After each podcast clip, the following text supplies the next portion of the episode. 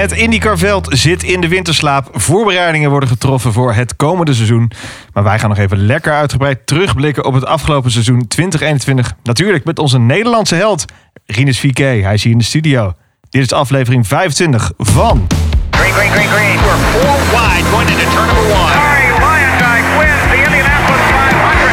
His very up.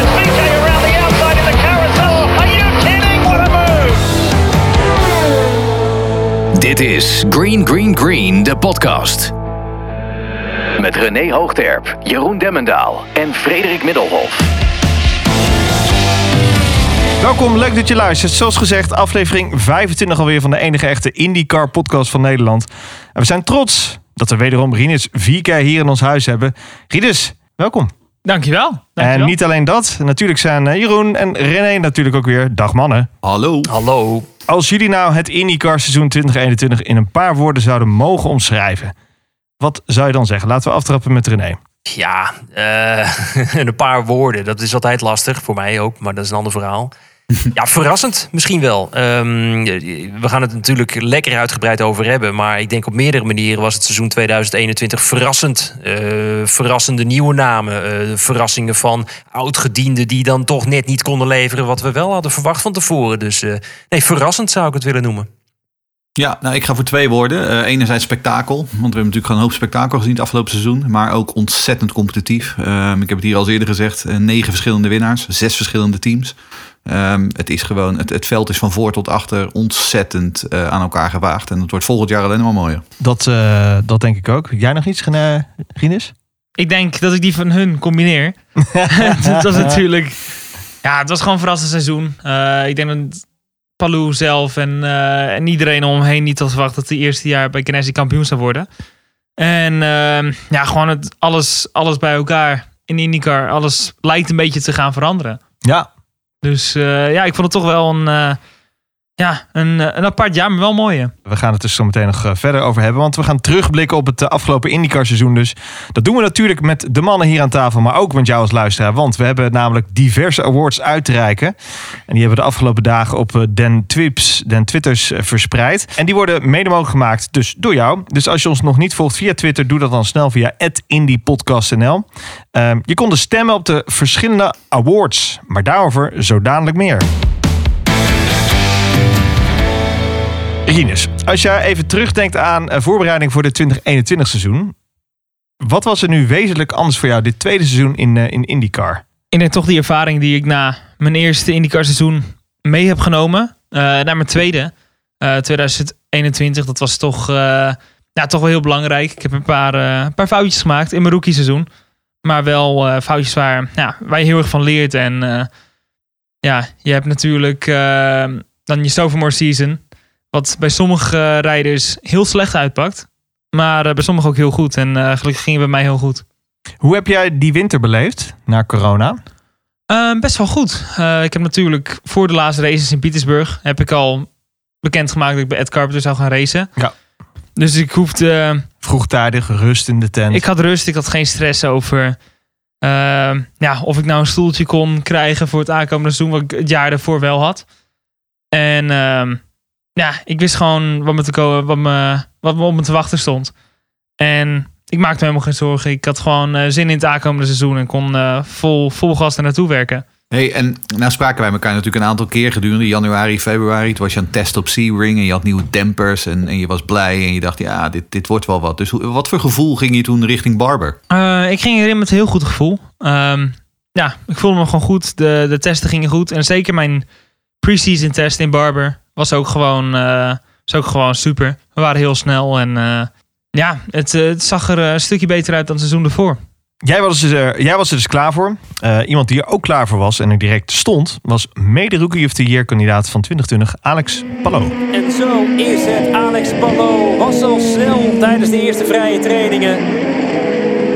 Was de best geclasseerde Ganassi. Heeft de overstap gemaakt naar het topteam. Chip Ganassi likes winners. En Alex Palou is hier een winnaar voor Ganassi tijdens de seizoensopening hier in Barber Motorsports Park. Great, great job, everybody. Oh my god. Ja, eh, hij ging dus van Deelcoin naar het grote Ganassi. Ehm, heb jij hem voor dit seizoen gesproken? Hoe, hoe keek hij naar dit seizoen? Ehm, ik heb hem niet zoveel gesproken eigenlijk. Maar ik wist wel dat hij gewoon heel blij was met zijn plekje. Bij, eh, bij Chip Ganassi Racing. Wat, eh, wat ik ook wel zeker begrijp. En ehm, ja, ik weet dat hij, dat hij blij was met zijn teammaten. En dat hij, eh, dat hij zich wel fijn voelde binnen het team. Hey, want leg nou eens uit. Hij gaat dan van Dale Coin Racing naar hè, wat we noemen een, een topteam, Ganassi. Wat, wat is nou het grote verschil tussen, tussen, die, tussen die teams, zeg maar? Wat, wat was het grootste verschil wa- waardoor hij zo meteen zo goed kon presteren? Nou, ik denk toch wel dat je, dat je een teammaat als Scott Dixon hebt. Ehm Marcus Ericsson, die ook, ook al aardig wat seizoenen nu erop op zitten. Ja, dan denk ik dat qua setups eh, Jimmy Johnson wel meevalt met wat hij kan brengen. Maar uiteindelijk, je hebt wel een team met, met heel veel ervaring. En die al, eh, ja, die wel is gewend aan, eh, aan kampioenschappen winnen. Dus die weten hoe ze moeten handelen om vooraan mee te rijden. En met een deel coin, ja, als je kijkt, ehm, Alex Palou, die had bijvoorbeeld dit jaar met Ganassi, had hij nou, bijna elke race een andere sponsor. En met, eh met eh, Deelcoin had hij heel, heel begin van het seizoen had hij geen sponsor op zijn auto staan. Dus je kan gewoon zien dat er veel meer de funding is. En het is gewoon een team wat, ja, wat er niet onbekend staat om kampioenschappen te winnen of om constant vooraan mee te rijden. Dat is toch wel een verschil. Nou, en het zit hem waarschijnlijk ook echt in dat soort details. Hè? Want het is, eh, we krijgen vaak wel dit soort vragen natuurlijk van nieuwe IndyCar-kijkers. Van ja, maar waar kun je dan het verschil in maken? Maar dat zit natuurlijk in dat soort kleine details. En nou, dan heb je natuurlijk, eh, als je, als je toch even wat meer centjes te besteden hebt, dan helpt dat zeker mee. Rinus, jij, ehm, jij noemde Scott Dixon als teamgenoot hebben. Dat werkt altijd wel mee. Maar even aan alle mannen hier aan tafel. Het was toch wel redelijk verrassend, neem ik aan, dat we van. Ik had van tevoren, en ik denk niemand van ons had van tevoren bedacht dat Alex Palou serieus titelkandidaat zou zijn, toch, mannen? Nee. Nee. Het was, eh, we hebben, volgens mij hebben we hem van tevoren in het eh, voorseizoen. We moeten nog even terugluisteren. Maar volgens mij heeft niemand er echt op ingezet. Nee.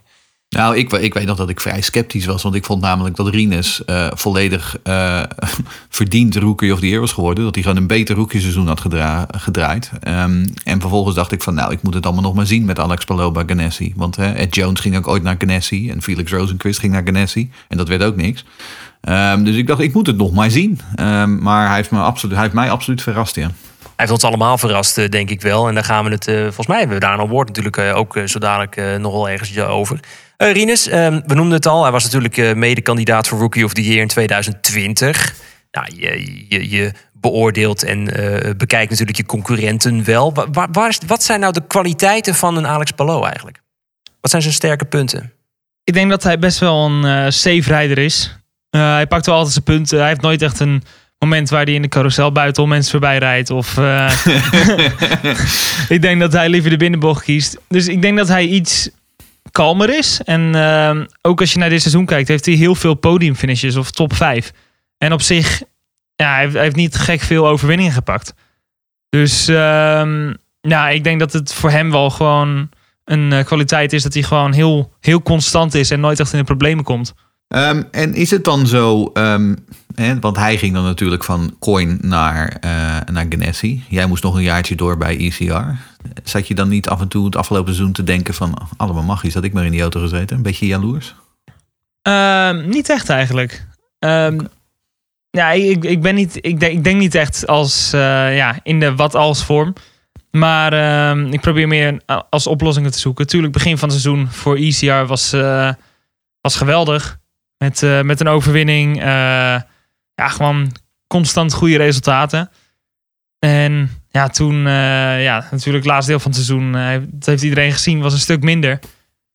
En tuurlijk, als ik achter, een, achter hem rij of, of zelfs Jimmy Johnson, die mist de bocht en die gaat op zijn gas en die trekt weer weg. dus ja, dat is wel een beetje frustrerend. Maar ja, weet je, het is wel een teamsport. Het is, het is teamwork. Teamwork, teamwork makes the dream work. Dus eh, je moet er, als een team moet je het echt wel, eh, echt wel allemaal laten zien. Dus daar ben ik gewoon, heb ik me op gefocust, nu nog steeds. Om, eh, om gewoon terug te gaan naar die, ja, die, die pace die we begin van het eh, twee- 2021 seizoen hadden. We begonnen dus op Barber Motorsport Park als seizoensopener. Tja, die bang. Die vinger. Ja, Auw. ja, Daar schrokken we wel even van. ja. Hoe ja. heb jij dat ervaren, die, eh, die momenten? Ja, die vinger die was niet. eh, nou, dat was niet ideaal. Uiteindelijk heb ik wel. ehm, wat was het? Na de Indy 500 heb ik die spalk eraf gehaald. Ja. en ehm, nou, niet veel later eh, viel ik meteen weer van de fiets. Maar ehm, Ja, uiteindelijk mijn overwinning gepakt met die vinger. Dus ik had er helemaal geen last van. Maar het was wel. ja, natuurlijk. Ja, schade rijden en, en eraf gaan eh, hard is niet fijn. niet fijn. Eh Barber werd je wel dan zesde. Ja, Solide. ja. Ja, en er was, ook, er was natuurlijk op Barber ook nog een behoorlijke bang bij die start. Hè? Wat ik Ja, bedoel, dat eh, was- Joseph Newgarden, die, eh, nou ja, die begon wat ongelukkig aan het seizoen, laten we het zo zeggen. Die, die reed bijna het halve veld van de baan af. Eh, jij, jij kwam daar net aan enigszins een beetje doorheen. In ieder geval niet dat je, dat je, dat je hè, terminale schade had. Nee, nee ik, ehm, ik probeerde, ik zat aan de linkerkant en daar gebeurde dus die crash, zeg maar. Dus ik ging naar rechts om eromheen te rijden. En Ja. ik maak zeg maar echt best wel een scherpe bocht op de baan. Omdat Rozenquist verderop daar gelanceerd werd. Zo. Ja, en ehm, toen raakte me rechtsachter, raakte mijn wiel het gras. En toen spinde ik gewoon en ik ging dwars. Met dikke flatspots ging ik, ehm, ja, ging ik over, ging, ja, het circuit over. Gelukkig geen schade. Motor was wel afgeslagen. Maar gelukkig is het downhill. Dus Je kon hem weer aan ik kon de krijgen. koppeling aandoen Ja. en ik een soort bumpstart doen. Dat was heel fijn. Maar Heel ja, nice. dat was wel een, eh, ja, een aparte start. Maar ja. sprekende over mensen die gelanceerd zijn dit jaar. Dit jaar. Weet je.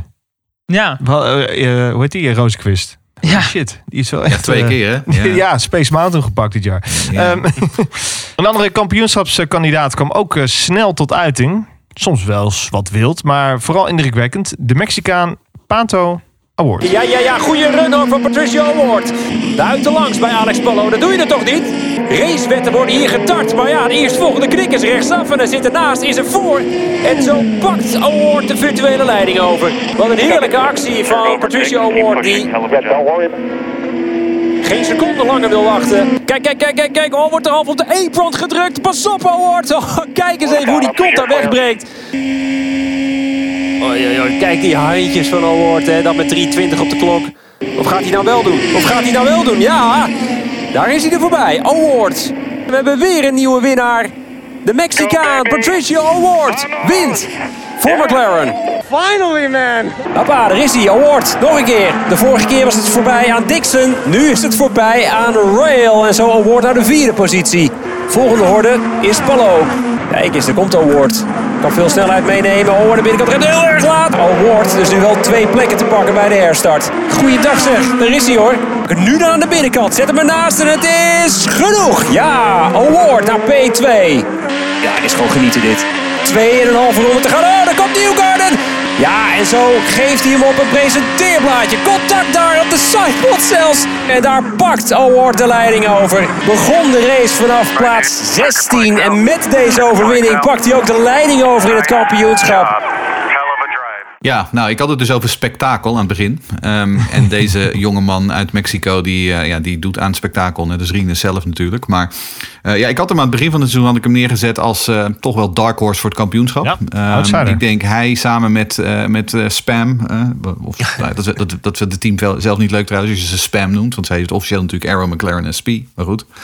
Ehm, ja, en uiteindelijk, het, waar, waar denk ik bij, bij de award tekort geschoten is, maar dat moeten jullie maar zeggen wat jullie daarvan vinden. Ik denk dat er net iets te veel dalen tussen de pieken zaten. Eh, waar, waar- wat Rinus net zegt over Palo, dat hij heel constant is. Bij award was het altijd, nou, de, ene, de ene race was, het, was hij heel erg goed. En de andere race dan was het weer net niet. We kunnen hem beter Pahai noemen. ja. Maar dat, maar dat Nee, is het toch ook? In, in een kampioenschap moet je gewoon sprokkelen. En con- consistentie is dan best wel belangrijk. eh, Dat is heel ik. belangrijk. En ik denk ook dat Ganassi zelf, waar, eh waar reed, is, dat, of rijdt, is toch wel een team die, die wel altijd, of altijd, bijna altijd een goede auto kan geven. Dus ehm, Weet gewoon overal wel een, een lekkere setup neer te zetten. bijvoorbeeld die, dat weekend waar, eh, waar ik mijn eerste race won, 15 mei. Ja. is leuk om erover Road na te course? denken. Ja, Die- daar eh, had McLaren echt een vreselijk weekend. Volgens mij eh, werd de beste van de twee auto's 15e of 16e. Ja. Ja, dat zijn wel van die punten die, die hebben jongens als, als, als Palou of met teams als Ganassi hebben, ze- hebben dat niet echt gehad. Nee, toen later in de race op, op de roadcourse, uh, later in het seizoen, toen had uh, Pato zelfs pole position. Uh, maar vervolgens in de wedstrijd verkloten ze het volledig. En met de tactiek. En uiteindelijk werd hij iets van achtste of negende. Dus daar zie je dan ook alweer dat hè, zowel Pato als het team ook gewoon wel wat stappen te maken heeft. En dat is dan waarschijnlijk het verschil met een Ganassi. Maar toch, hè, maar toch, als we dan toch kijken naar die ontwikkeling die het team heeft door ondergaan met de partnership met McLaren. Ja, het, het, het, het begint nu langzamerhand toch wel de vruchten daar gaan ze de vruchten van plukken. En ik ben toch wel heel erg benieuwd. En het, we gaan natuurlijk terugblikken. Maar als we dan toch vooruit kijken. Als die stijgende lijn doorgaat. En die dalen, wat Jeroen terecht zegt, die worden ook steeds minder. Dan wordt het toch echt wel. Dan kunnen ze toch misschien wel die stap maken om echt een topteam te worden. Wel interessant hoor, dat. Leuk ontwikkeling. Wel eentje die jij ook wel op je, op je shortlist moet hebben bestaan, ja. Rinus, voor de komende jaren ergens, lijkt mij. Ja. Goed, we zagen het dus uh, in de eerste twee races van het jaar twee nieuwe overwinnaars. Eén overwinning voor Ganassi en één voor het team van uh, Arrow McLaren, of Spam, zoals Jeroen het zegt. Uh, het team van Penske leverde in de afgelopen acht jaar vier keer de kampioen. Maar het was toch wel een understatement te noemen dat het, zeker aan het begin van het seizoen, nog niet helemaal lekker liep voor het team. We moeten wel starten trouwens bij Power.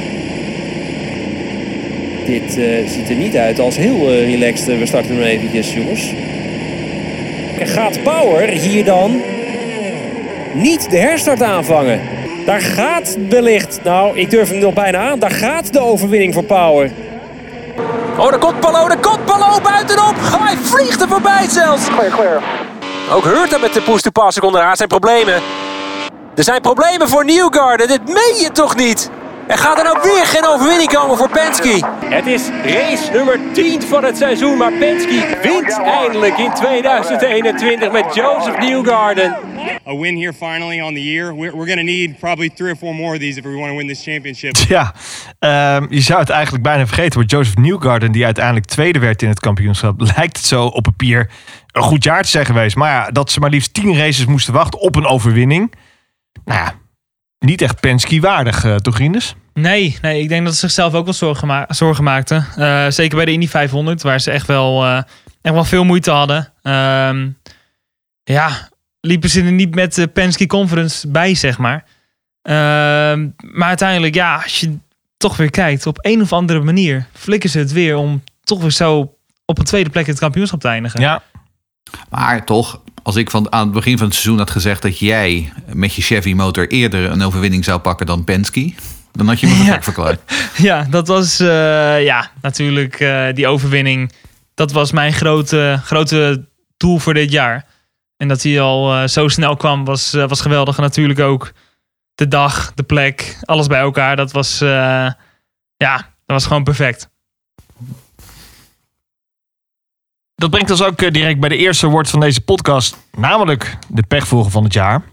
En daarin hebben we vier genomineerden, waaronder twee rijders van Penske, Will Power en Joseph Newgarden, maar daarnaast ook Colton Hurta en Sebastian Boudet. Uh, wie is volgens jullie de grootste pechvogel geweest? De winnaar. Ja, dus wie is het? Nou, um, is het met 25% Sebastian Boudet, die constant van achteren van de baan werd getikt? Nee, het is Will Power, die natuurlijk zijn zegen in Detroit verloor door die uh, verdomde ECU. Uh, want ja, het was voor Will Power wel een, een heel dieptepunt van het seizoen. hoeveel, hoeveel, procent van de stemmen was dat ja, uiteindelijk? Uh... 38% voor Will Power. Oh, dus het was best wel verdeeld eigenlijk. Het was nog best spannend, ja. ja dus... Joseph Newgarden kreeg 20%. En maar er waren veel pechvogels ook, hè? Dus ja, het is lastig. Ja. Consensus in elk geval. Ja, maar laten we eerlijk wezen. Uh, volgens mij, ja, Colton Hurta was, ook, was daar ook wel een kans uh, hebben voor die pechvogel. Ik, volgens mij heb ik zelf op Colton Hurta, ik heb natuurlijk zelf ook gestemd. Maar ik heb zelf volgens mij op Colton Hurta gestemd. Maar meer ook van dat je denkt van, ja, daar hadden we toch al van tevoren ook meer van verwacht. En uh, ook als je bedenkt wat er in Mid-Ohio gebeurde, nou, dat viel ook allemaal niet mee. Er staat Hurta. Oh, oh, oh, problemen met de tankslang. Hold on. Ja, hold on, het zal maar wat. Oh, dit duurt veel te lang hier voor Colton Hurta. Hold on. Zij kan in theorie er vlak voorkomen. Oh, daar komt Roos. Nee, hij slaat af! Dit geloof je toch niet? Maar die eerste serie pitstops gaat de brandstof er niet in. En nu slaat hij hem af. Twee keer een pitstop. Wat hem heel veel kost. Jongen, jongen, jongen. Jij zit naar de uit- Wat zit je te kijken? Je zit naar de Ja. uitslag te kijken op de Twitter. Ik heb meegestemd. Oh, je hebt- ik, ik heb even mijn, eh, ja, mijn lijstje erbij gepakt. Oké. Dan kan ik ook Je bent het niet even- mee eens? Waar had jij op Dat- gestemd? Had Ik jij- had ook voor eh, Willpower gestemd, ja. Oké, ja, ik Dus, had eh, toch eens voor Sebastian Bourdais gestemd namelijk. Eh, maar dat was ook omdat ze natuurlijk, was dat, op, die, op Texas, dat ze allebei de AJ Foyt auto's eh, drie keer in de muur eindigden. Dat was Ja, zo, ik dat eigenlijk was wel zo'n ook duur weekend. Was meer pech, eh, was meer pech voor eh eh Voigt zelf dan voor Boudet misschien. eh, Ja, misschien wel, ja. Misschien wel, ja. hey, maar ehm, die Hurta, eh eh, Rinus, ehm, wat, wat moeten we daarvan denken? Wat, wat, wat vind jij van die jongen? Het is, hij, hij wordt natuurlijk een beetje die Amer- de American Wonder Kid, zeg maar. En, en hij wordt enorm opgeblazen in de Amerikaanse pers met name. Ehm, is, hij, is hij echt zo goed? En hoe erg denk je dat dat Formule 1 verhaal klopte? Volgens mij was dat Formule 1 verhaal was wel echt serieus. Ja? Dat, dat, ja, ja, ik had eh, ja, voor de Amerikaanse Grand Prix gehoord dat hij misschien daar al in de auto kon zitten om Serieus? te testen. Ja. Dus Oh, eh, vanuit de Amerikaanse media. Maar uiteindelijk, eh, ja, ik weet niet waarom dat af is gewezen. Maar eh, Nou, volgens mij omdat die hele Andretti-deal is afgeketst, toch? Kijk Ja. even naar Jeroen. ja, in ieder geval, ehm, ik denk dat Colton een hele goede coureur is. Alleen ik denk niet dat hij de beste is in de IndyCar-series. Oh, Wie is dat dan? Ja, ik wou het zeggen. Ja, dan moeten we even, even goed kijken. ik ga even Eh, kijken wie je gestemd hebt. Kijk, kijk, even, op je, kijk even op je lijstje anders, ja. Ja, ik denk dat, ehm, dat bij, de, bij de beste coureurs dat ja, toch wel de legend Scott Dixon, dat hij daar wel bij hoort.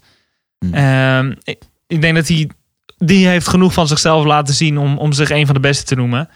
En Colton heeft hele, hele mooie races laten zien, hele goede seizoenen, maar hij heeft ook een hele goede auto. Beetje grillig ook. Beetje grillig ook, hè? Want ik bedoel, als je kijkt wat hij bijvoorbeeld in Nashville doet. Hij, die had hij natuurlijk gewoon met zes ronden voorsprong moeten winnen, die, race. Hij was En vervolgens ja. parkeert hij hem gewoon in de muur. En dat is niet de eerste keer. Ik, Nee, eh, exact. Ja, dus tuurlijk, eh, het is denk ik een ruwe diamant. Maar ik denk niet dat hij de meest complete rijder is in IndyCar. Oké. Maar zeker wel een goeie. Ja, dan gaan we naar de rookies. Want de rookie-klas van 2021 was er eentje die zeker niet alledaags was. Van eh, jonge twintigers vorig jaar en volgend jaar ook. Naar ervaren mannen die het IndyCar-spelletje wilden spelen. Romain Grosjean, 168 Formule 1 races onder de gordel. Jimmy Johnson, een levende legende uit de NASCAR-scene. En natuurlijk de supersnelle supercar-belofte uit Nieuw-Zeeland, Scott McLaughlin. Spinnetje. Het is Jimmy Johnson. Als Johnson eraf geschoten is. Laatste bocht is hij rechtdoor geschoten. Oh, nou, daar gaat de caution komen. En helaas moet ik zeggen, is het weer deze Jimmy Johnson die daarvoor zorgt. Oh, er gaat er iemand af. Er gaat er iemand af. Het is Johnson. Oh, Jimmy Johnson eraf. Ja, en dan hebben we de caution. Zonde zeg van Johnson, die gewoon een goede race reed. We hebben een rookie op de pol vandaag. Je kunt het eigenlijk niet gemist hebben. Krap een half jaar geleden eindigde zijn Formule 1 carrière met een vreselijke klap door de vangrail. En nu staat hij als herboren op de pole position. Oh, laat hem maar staan. Oh, laat hem maar staan. Ja, ja, ja, ja, ja. En of Grosjean zich thuis voelt, zeg. Hoe heeft Grosjean Dixon gepakt? Nee, nee. Romain Grosjean komt van heel ver. Pakt ook gewoon zijn rempunt. Niet eens een blokkerend wieltje. En pakt zo op deze wijze eventjes de zesvoudig kampioen. But tell you what, it was bloody cool battling with one of my all-time favorite heroes, or what is my all-time hero, Scotty Dixon. Wat, wat een beetje bewust, hè. we hoorden natuurlijk dat die inhaalactie van de Grosjean, eh, dat was op de Laguna Seca, op de, in de corkscrew, wat gewoon een random inhaalplek werd op een of andere manier. Maar goed, een beetje bewust hoorden we eigenlijk McLaughlin hoorden we amper alleen op het laatste. Hij had natuurlijk een geweldige wedstrijd eh, op Texas. In zijn eerste oval race werd hij dus tweede achter zijn maatje, landgenoot Dixon. En dat is natuurlijk een geweldig resultaat. Ehm, maar kun je verder nog wat opnoemen van McLaughlin's jaar? Eigenlijk niet. En is dat erg? Nee, maar dat geeft dus ook wel aan hoe stabiel en sterk eh, die McLaughlin is. En hij is uiteindelijk dus Rookie of the Year geworden. Maar is het heel indrukwekkend geweest? Ik, ik- kan echt oprecht niet heel veel hele indrukwekkende wedstrijden noemen. Grosjean, wat dat betreft, had een, had een Ja, veel een beetje indrukwekkende jaar. kruip door, sluip door. eh. Nou ja, kijk, en McLaughlin is natuurlijk gewoon in een Penske achter Rinus geëindigd. Dus ik bedoel, dat zegt wat mij betreft genoeg. Eh, ja, ja dus- maar hij heeft wel, ehm, hij heeft wel eh, volgens mij een paar keer fast six gehaald, kwalificatie. Ja. Wat kwalificeren met IndyCar is moeilijk. Eh, Zeker met die rode band als een rookie. Eh, als je uit de supercars komt, is dat toch wel eh, een stap om even 101% te geven met, met een auto met superveel downforce. Dus ik vond het echt oprecht wel knap. Alleen, ja, hij heeft geen, geen highlights echt gepakt dit jaar. Nee. Ja, die tweede plek dan in Texas, dat, eh, verder kan ik ook voor de rest niet veel opnoemen. Maar het is wel een heerlijke vent, hè? Het Hele is jongen, Het is zo'n ja. fijne jongen, die McLaughlin. Ik, eh, ik ken hem nog van vroeger uit zijn supercars dagen. Maar het is, het is zo'n sympathieke vent. Eh, en ook gewoon echt, een, echt heel kleurrijk geworden. Past gewoon lekker in het veld. Past in Amerika. Een beetje, en net als jij natuurlijk. En net als Pato. En gewoon echt heel outgoing.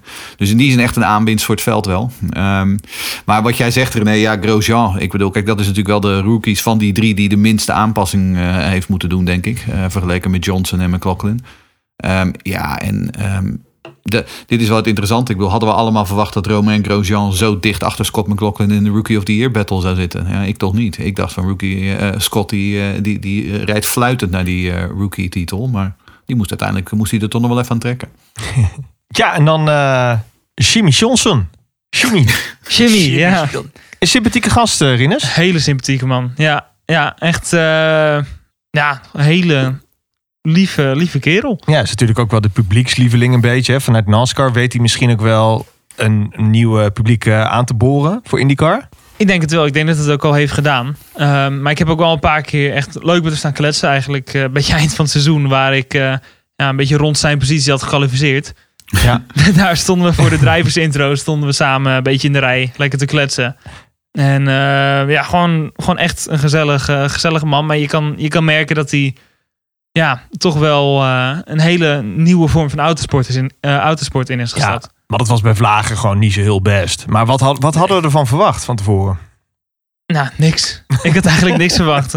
Ik, als hij het bij één per race kon houden, vond ik het knap. Ja, en hoe stond hij daar zelf in? Heb je hem daarover gesproken?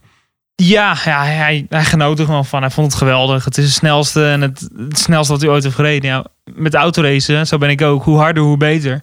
Dus voor hem is het gewoon heel, heel veel fun. Is hij net als zo'n Alonso die gewoon, gewoon alles wil verzilveren in zijn carrière wat hij maar kan verzilveren? Ja, ja, voor hem is het volgens mij meer gewoon een, een bucketlist die hij af wil Ja. strepen. En ehm, ik, ik zat ook in Long Beach met hem te praten. En eh, ja, daar zat hij wel tegen mij eh, te vertellen. Ja, ik, ik met mijn auto, ik was aan het pushen. Ik, ik, elke, elke bocht raakte ik de muur. Ik dan. En Jimmy Johnson, ja, die reed echt om, om de curbstones heen. En die, die reed echt wel heel, heel voorzichtig. En ehm, toen zei hij ook tegen mij dat hij eigenlijk best wel bang was om hard te pushen op een circuit. Omdat het gewoon zo sketchy is. Ja. Kijk, we hebben natuurlijk dit seizoen zijn we, of ik, of soms met z'n allen, maar zijn we niet heel erg lief geweest voor Jimmy Johnson. Maar laten we wel duidelijk zijn, eh, het is een affiche voor de sport. Hij heeft ook absoluut niet de noodzaak. Hij hoeft zich ook niet te bewijzen. Ehm, wat je zegt, Rinus, hij vindt het leuk om te doen. Maar ja, het is. Kijk, soms knaagt het wel. Ik vind het geweldig voor de sporten. En als je ziet wat voor mooie activaties er zijn geweest. Je kon bijvoorbeeld in, de, in Amerika dan kon je dan makkelijk stemmen. eh, zodat jij kon bepalen wat de livery werd van die auto. Nou, dat, is natuurlijk, dat zijn natuurlijk geweldige activaties ehm, voor de sponsor, voor IndyCar zelf, eh, et cetera. Het is echt een family man. Iedereen loopt met hem weg. Goede kop. Het is, eh, alles, alles klopt. Alles klopt aan Jimmy Johnson. Alleen hij is gewoon niet zo snel. En dat soms knaagt het wel dat ik denk: oké, maar je, je, je zet nu wel, eh, je hebt nu wel echt een heel mooi stoeltje wat je bezet houdt. En ik, ik zou het zonde vinden als het ten koste zou gaan van jonge talenten. Gelukkig hebben we niks te klagen wat dat betreft voor volgend jaar. Maar eh, er zat gelukkig wel een stijgende lijn in. Maar dat is dus niet zo, hè? want die auto die bestaat alleen bij gratie van Jimmy Johnson. Als Jimmy Johnson er niet was geweest, dan had Ganassi met drie auto's gereden. Absoluut. De enige reden dat die auto er is, is Carvana. Eh, en zijn, en zijn eh, star power. Ehm, dus hij houdt geen stoeltje voor iemand anders bezet. Ehm, en persoonlijk, kijk, ik zit nog wel eens regelmatig in persconferenties met coureurs. En ehm, het zijn niet allemaal grote sprekers. Eh, als je met Felix Rosenquist eh, in een interview zit, ja, daar komt Ja, niet zo heel veel uit. zweet wel. Nou, Marcus Eriksson moet ik zeggen, dat vind ik dan, die, die Ja? is eigenlijk nog best wel, best wel entertaining. Maar Jimmy Johnson, ik vind het een genot om naar die man te luisteren. Zoals, die, eh, zoals hij uitlegt hoe moeilijk het is om van een NASCAR over te stappen naar een IndyCar. En hoe uitgebreid hij dat dan uitlegt. En hoe begrijpelijk hij dat dan ook doet. En met hoeveel passie die spreekt. Ja, ik, vind het, ik, vond, ik, ik, ik keek altijd naar uit als ik zeg maar met Jimmy Johnson weer in een mediasessie zat. Want hij Is- is, het, is, het is echt, een, echt iemand met heel veel liefde voor de sport. En die dit echt gewoon inderdaad eh, doet als een bucketlist. Als, een, als, als iets, eh, gewoon als een passieproject. En Rinus, is hij een beetje een soort van de padre familias van het paddock? Ja, toch wel een beetje. Toch wel. Eh, je kon eigenlijk wel zien dat die rookiegroep, dus eh Romeo Grosjean, Jimmy Johnson en, eh, en McLaughlin, dat die wel echt eh, met z'n drieën heel goed met elkaar omgingen. Het is eigenlijk, ja, drie, drie best wel eh, grote mannen van drie hele verschillende dingen eh, Ja. in de autosport. Disciplines, ja. Disciplines. En ja, toch met z'n drieën liepen ze, liepen ze steeds over de paddock en eh, gingen ze natuurlijk ook veel media dingen doen. Maar volgens mij is daar wel een beetje band ontstaan. Hey, want nou, nou, als we nou Grosjean pakken, hè, dat is dan iemand die heeft tien jaar Formule 1 ervaring. Ehm, maar wat, wat had hij van jou kunnen leren? Eh, wat had jij hem mee kunnen geven na jouw rookiejaar waar hij, ze, waar hij op moest letten? Ehm, nou, iets wat ik hem nog steeds een beetje mee zou willen eh, geven. Is toen hij Gateway meedeed. ehm, deed hij toch wel wat inhoudacties die goed gingen. Omdat andere jongens ja, eieren voor hun geld namen. Ehm, dat zijn toch wel echt van die divebombs die, die je niet altijd wil, wil gaan maken. Dat deed hij op Laguna Seca ook. Dat wil Ja, maar dat is Laguna Seca. vet. Ja, Ja, oké. daar heb je ook wel runnen waar je gewoon eraf kan. Daar was Maar hij een jij, jij kreeg dat ook te horen hè, een aantal keer vorig jaar. Klopt. Alleen, ehm, ja, hij deed het. Ik deed misschien één keer in de race. En in Gateway heeft hij het zes keer gedaan of zo. Dus het is eigenlijk wachten tot, tot het een keer fout gaat. Ehm, gelukkig op Gateway zijn de snelheden niet zo heel hoog. Maar is, is dat ook niet een beetje de, de fase waarin hij zit? Ik bedoel, hij heeft net een. Ja, hij is ontsnapt uit de dood. eh, is, eh, heeft een fantastische Formule 1 carrière gehad. Waar je eigenlijk ook een. Ja, je zit toch wel in een strak maatpak zit je daar. En je kunt niet heel veel. Hè, want je bent afhankelijk van je team. En hier is hij weer vrij om te racen. Hij heeft die passie weer terug. En misschien is het wel best wel een jonge hond. Ze gedraagt hij zich weer zo. Maar is het juist ook niet die, die, die passie die er vanaf straalt bij hem?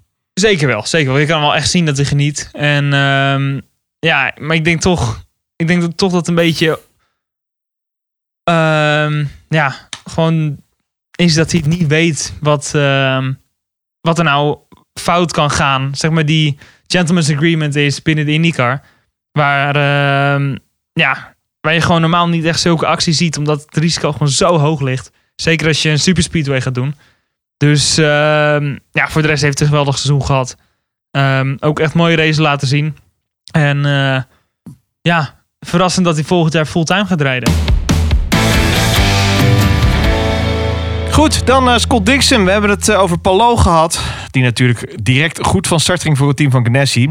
Penske had het lastig in de eerste helft van het seizoen. Maar ook een man die voor zijn doen flink onder de radar bleef was Scott Dixon. Regerend kampioen, maar veel verder dan een succes in Texas was er niet. En dus is daar de witte vlag voor Dixon. En dan gaat hij naar zijn vijfde winst hier in Texas. Nog nooit heeft er iemand zoveel ronden aan de leiding gereden in Texas. Nog nooit zijn er zo weinig lead changes geweest. En Dixon wint in Texas. En Dixon wint dus in 19 IndyCar seizoenen. Great job. En ook dat is een record. Fantastic job, guys. Fantastic. Thank you, thank you, thank you. En hiermee leidt hij ook het kampioenschap. Who doesn't love Texas, man? I love this place.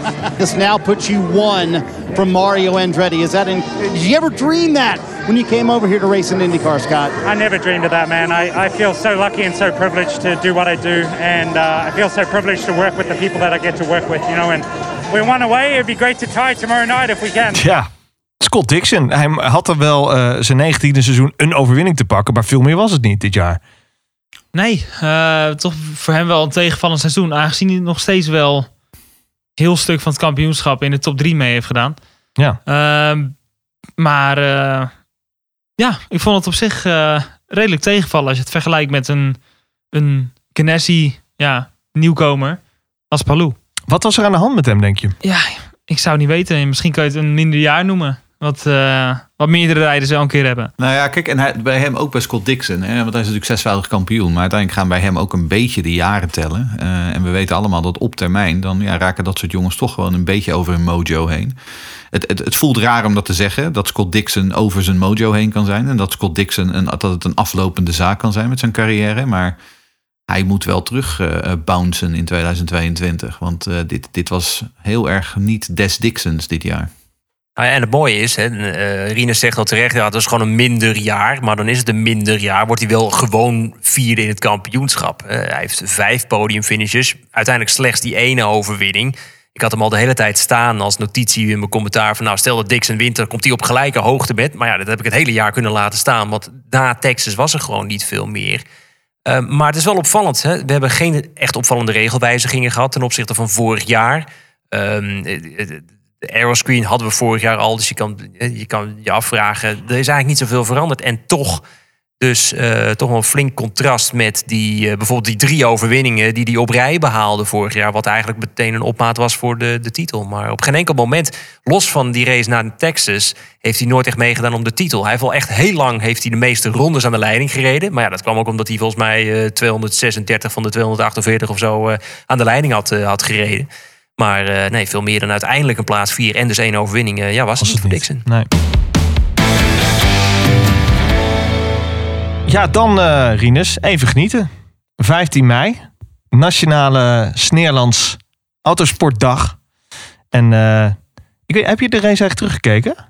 Ehm, nou, eigenlijk... Met René's keer- commentaar? Oh ja, zeker. Maar elke keer als ik thuis de huiskamer of de tv-kamer inloop, dan, ehm, dan staat of Detroit of, of Indy GP staat aan waar mijn vader de race aan het Jouw kijken vader kijkt er gewoon op repeat. ik denk dat als je, als je op YouTube kijkt met hoeveel views die heeft, is het denk ik gewoon 80%. helft van je vader. gewoon staat op pin van Oh, ons mooi man, ja. mooi. Ja. Ehm, nou, we gaan nog even luisteren naar een recap van, eh, van die dag. Kijkt u eventjes, linksboven in beeld. Niks met pitstops, niks alternatieve strategieën. Maar Rinus van Kalmthout leidt hier op Indianapolis. Deze jonge knaap ging bewust naar de VS. Hij ging bewust de Amerikaanse raceschool bewandelen. God, wat hebben ze dat geweten, hè? Vocht zich op naar de absolute topklasse hier. En als Rookie of the Year komen we weer aan op Indianapolis. Hij hoort nu echt bij de grote mannen. Neem je hoed af, maak hem boven. Een buiging 15 mei moet de nationale autosportfeestdag worden. Want de nieuwste Nederlandse raceheld heet Rinus van Kalmthout. Bring it in, in.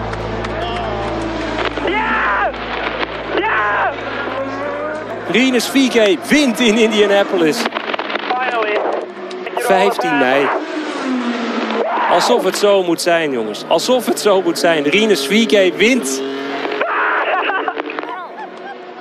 Maar heb je die auto hebben alleen maar gegild of niet?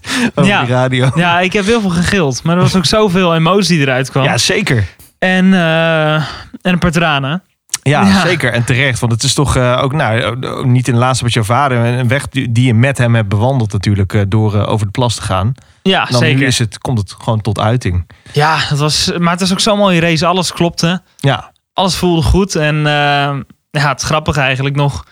De dag ervoor, op, zaterdag, of op vrijdag, want was, de race was op zaterdag. Ehm, met de kwalificatie had ik me zevende gekwalificeerd. Ik was best wel... Ja, ik was helemaal niet tevreden omdat ik een foutje maakte. Maar daardoor had ik juist een setje nieuwe rood kunnen, kunnen sparen voor de race. ja. En daar kon ik heel goed gebruik van maken, aangezien ik heel snel was op de rode band. Maar ik weet nog dat ik op eh, in de Speedway was, eh, zeg maar eh, Main Street, zeg maar naast de Speedway waar het helemaal druk is met allemaal autosportfans. En ik ging een ijsje halen.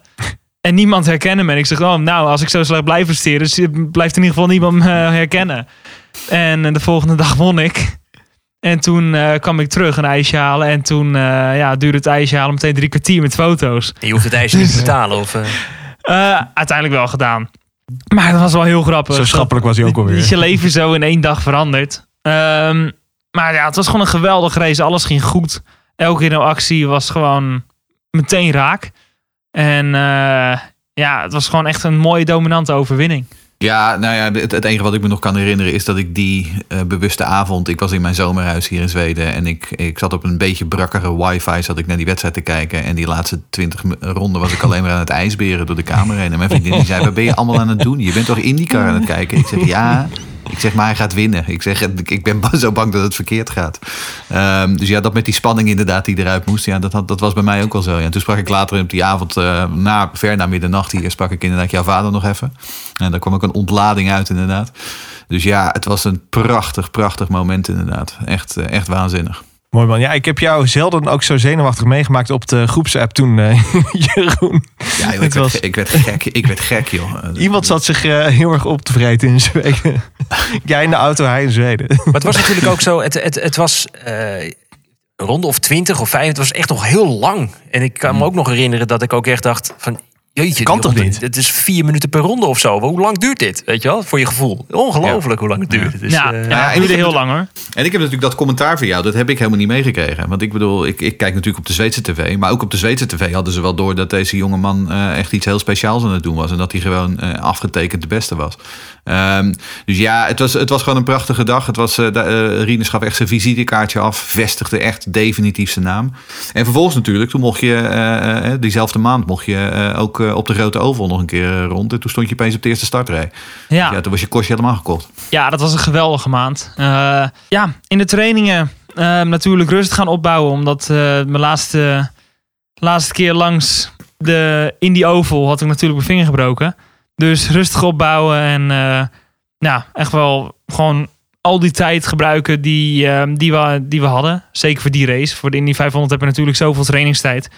Ehm, en ja, het voelde gewoon goed. Het voelde, voelde niet, niet al te moeilijk. Dus eh, uiteindelijk wat dingetjes veranderd. Maar ja, het, ik, ik hoopte ehm, ja, dat, we, dat we in de Fast 9 konden komen. Maar ik had het eigenlijk niet verwacht. Aangezien de Honda's echt heel sterk waren.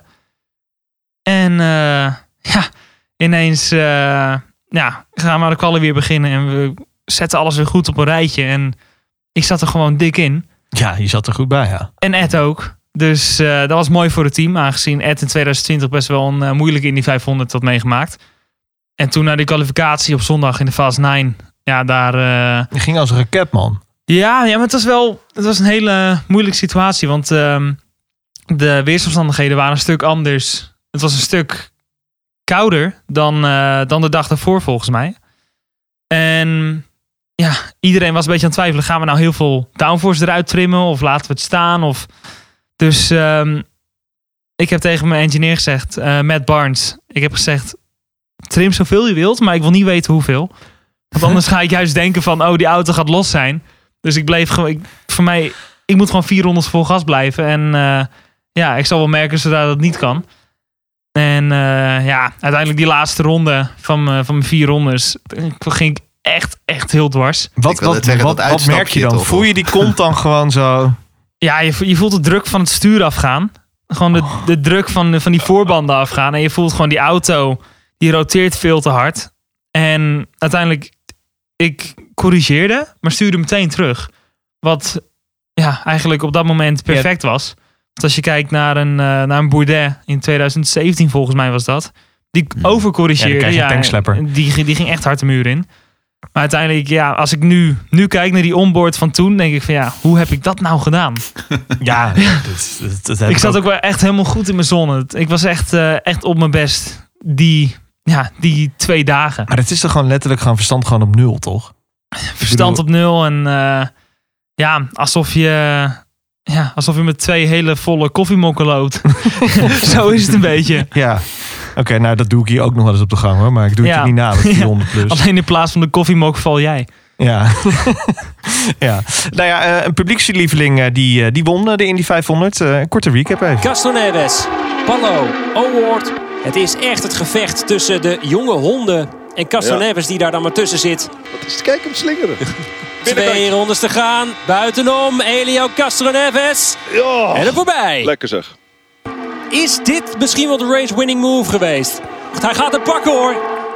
Na overwinningen in 2001, 2002, 2009 is het een vierde Indy 500 win voor Elio Castro Neves. Yes. Elio Castro Neves, 46 jaar jong. Het hele team gaat herkennen. Wat vet dit. Ja. Ja, we je natuurlijk, hè? vierde overwinning voor Helio, voor Spider-Man. Maar Rinus, terugkijkend, die laatste pitstop van jou, die ging niet helemaal lekker toen. Maar was het realistisch geweest? Had je Helio kunnen pakken als alles goed gegaan was? Ehm, ik denk het wel. Ik denk het wel. Eh, maar eigenlijk ging het bij de eerste pitstop al een beetje fout. Ehm, daar had ik drie gallons te weinig benzine erin. Dan wat we wilden. Dus ik moest ja, drie gallons, 12 liter bijna, aan benzine sparen over al die stinten. Ja, maar dat is, dat Niet is te doen. zo moeilijk. Dus eh, uiteindelijk, eh, ja, een beetje tweede, derde plek rijden de hele tijd. Alleen, ja, je, je sequence raakt wel een beetje, een beetje op net iets anders dan de rest. Ehm, dus dat was niet ideaal. En toen die laatste pitstop ehm, kwam ik eh, achter Hunter Ray binnen. En die blokkeerde en die ging ja, te snel de pitlane in. Dus die wilde ze gemiddelde snelheid omlaag krijgen. Alleen die hield mij daarmee op. En toen eh, met de pitstop ging er ook nog een wheel, eh, wheelnut vandoor. Dus eh, dat duurde wat langer. En zeker als je, als je jongens hebt die 360 km per uur rijden. Dan is 2, 3 seconden meteen heel veel afstand wat je verliest. Maar ja, uiteindelijk, ik, het was jammer dat het was gebeurd. Maar ik was zelf echt, echt heel blij met, met mijn race, mijn, mijn Indy 500. Ehm, en ik wilde gewoon zeker na het jaar ervoor, vergeleken met het jaar daarvoor echt een stap laten zien. En ik heb het gevoel dat ik dat er helemaal heb gedaan. Dus ik vond dat nog steeds, al was het een P8, een van mijn beste races van mijn carrière. De, dat brengt ons eh, bij de volgende woord, eh, mannen. Eh, namelijk het mooiste moment van 2021, waar zowel de Indy 500 als de Indy Road Course als een nominatie op de lijst stonden. Maar we hebben natuurlijk een heel chauvinistisch luisterpubliek. Want de overgrote meerderheid heeft gestemd dat jouw overwinning, Rinus, het mooiste moment van 2021 is. Ja. Winner. Ja, met 70% van de stemmen ook, hè? Ja, dat is leuk om te horen. Ja, ik heb het er hier ook bij staan. Ik heb ook op mezelf gestemd. Oh, toch wel? ja, sorry. Nou, dat doen al die politici ook, joh, bij de Kamerverkiezingen. Dus dat is Ja, ja, die ene dat stem die, eh, die, heeft wel, eh, die heeft heel veel uitgemaakt. Ja, dit valt betekent wel natuurlijk op. veel meer, hè, dit. Hè. Die, die, die beker, leuk hoor. Maar dat, dit, dat de kijkers dit ook als mooiste moment... dat, dat, dat, doet, dat doet je veel, hè. Dat, eh, dat zie ik aan je. Ja, dit ga ik screenshotten en op mijn op mijn- nou, op mijn nachtkastje zetten natuurlijk. Ja, jij zat natuurlijk die laatste ronde ook in die auto. En jij dacht, als ik nu maar het mooiste moment eh, van het seizoen award win Ja. bij Green Green Green. ja. Die moet nu wel weer Nou. in het pakje zijn, ja. Waar konden de mensen uit kiezen, Jeroen? Ehm, nou, we hadden de vierde Indy 500 overwinning van Helio Castroneves. Eh die kreeg 25% van de stemmen. Ehm, en dan eh, hadden we natuurlijk die knotsgekke overwinning van eh, Marcus Ericsson in Nashville. Eh, maar die kreeg maar 3% van de stemmen. Ehm, en ehm, eh, het kampioenschap van Palou kreeg eh 2% van de stemmen. Dus eh, nee, het was een afgetekende overwinning voor de overwinning van, van Rinus op IMS. Dan naar het team van Ed Carpenter Racing. En weer terug naar de prestaties van onze grote vriend Rinus hier aan tafel. Eh, waar het succes op Indianapolis nog een goed vervolg kreeg in de straten van Detroit. Maar het daarna flink bergafwaarts ging. Die durft er het laatste remmen. Oh, Award die bijna de controle verliest. Daar komt VK! Ja, ja, ja, aan de binnenkant bij Sato. Sato daar op de barbels gedrukt. Gooit VK hem ernaast en VK naar plaats 2. VK op 17e van Eriksen. Maar belangrijker, twee tienden erachter is een Patricio Award. Zoeken naar grip, wanhopig zoeken naar grip. Eh, VK moet natuurlijk ook volhouden ten opzichte van Award. Vinden wij zelf ook wel prettig. Ja, Award zit er bovenop, hè. Misschien heeft Award wel de snelste auto. Maar ja, dan is het ook een stratenbaan. Maar het is Marcus Ericsson. Pakt zijn eerste overwinning in de IndyCar Series. VK wordt tweede. Ach, Carpenter. Het kan er ook wel weer bij dit, hè. Wat een vreselijk weekend is dit voor Ed Carpenter Racing. Vorig jaar ging het overigens ook nog voor hem meter hier voor, eh, voor Ed zelf. Dit is echt een zaterdag om eh, gewoon weg te strepen. Vergeten. Deze dag heeft niet bestaan. En we zijn weer onderweg. Zo, Patricio Ward maakt er drie dik van Patricio Ward oppassen. Ja, ja, ja, ja, ja. En de Marcus, ja, dan gaat het fout. En Rinus is erbij. En Palo en Dixon. Jongen, jongen, jongen. Dit is ontzettend kostbaar voor het kampioenschap. Ja, Palo is pissig. En daar stapt ook Rinus van Kalmthout uit. Wat gebeurde er hier? 4K aan de binnenkant. Dit is aan boord bij Patricio Award dus. Maakte er dus bijna drie dik van. Dacht op het laatste moment van... Dat gaan we toch maar niet doen. Iedereen remt daardoor af. En daarachter gaat het dus mis. Tja, zie jou eh, nog eh, balen, Rinus. Ja, ja, dat was natuurlijk eh, ja, niet geweldig. Eh, Detroit was echt wel, echt wel een goed weekend. Eh, voor mij een nieuw circuit. Ehm, dus ik verwachtte er niet te veel van. Ik wist dat het een gaaf circuit was, maar zoveel heeft het team daar niet gepresteerd in, eh, in het verleden. Dus om daar die tweede plek te pakken was, ja, was super. was echt eh, een goede race. Mooie actie op Sato. Die, eh, die had ik van vooraf al gepland, dus die voelde goed. Ehm, Heb ik, je en, heb ik je gejinxed daar in Detroit? Want ik vroeg je natuurlijk in de persconferentie na afloop van... nou, nu ga je meedoen om de titel. En eigenlijk op dat moment werd het, was het één groot drama. Nou, ik denk niet dat jij dat hebt gedaan.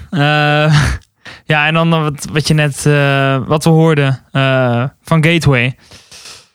Dat was, eh, ja, dat was balen. Maar jullie hebben de geluiden best wel goed in elkaar gezet. Van, ja, Award, die wilde die actie maken op Rossi volgens mij. En, ehm, of op Hunter Ray. En die remde zo hard af. En ja, op een oval heb je niet de remmen die je op een roodkoers hebt. Ehm, ja, ik, ik kon gewoon nergens meer naartoe. En het was echt een accordeon-effect waar ik de hele avond al om heb lopen klagen daar. Oh, ik dacht wij de hele avond al op had gespeeld. Nee, nee, nee, nee. Uiteindelijk eh, ja, heb ik één keer de nood aangeraakt en toen, eh, ja. Maar ja, dat was natuurlijk, eh, ja, was gewoon balen. En ehm, uiteindelijk zie ik mezelf niet als schuldige. Ik weet ook gewoon zeker dat ik daar niks anders had kunnen doen. Alleen, ehm, ja, is het wel even, ja, even grote pech dat je met de twee championship contenders de muur in gaat. Ja. Waar heel veel eh, fans achter staan. Nou, het- en het is natuurlijk, hè, als je dan dat clipje net hoorde, het is natuurlijk een clipje met veel contrast. Je noemde het al, Detroit was geweldig. Maar je had natuurlijk niet kunnen bevroeden dat je na die winst op de Indianapolis Road Course nog maar één keer in de top 15 zou eindigen. Dat is toch wel eventjes. eh Maar ja, waar zat het nou- dat nou in? En ik denk dat dat een hele moeilijke vraag is om te beantwoorden. Ja, ehm, nou, ten eerste ligt niet aan mijn schouder. Die is, eh, die is sterker dan dat hij ooit is geweest. Dus eh, de, die klap met de fiets heeft in niks, aan- heeft in niks, ja.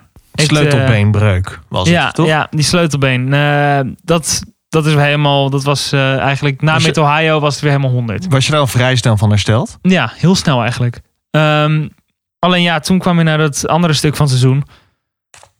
Ja, daar hadden we eigenlijk echt als team heel veel moeite om, eh, om die sweet spot te vinden. Eh, we begonnen op Nashville na die, na die paar weken break. En daar begonnen we met een heel verkeerde setup.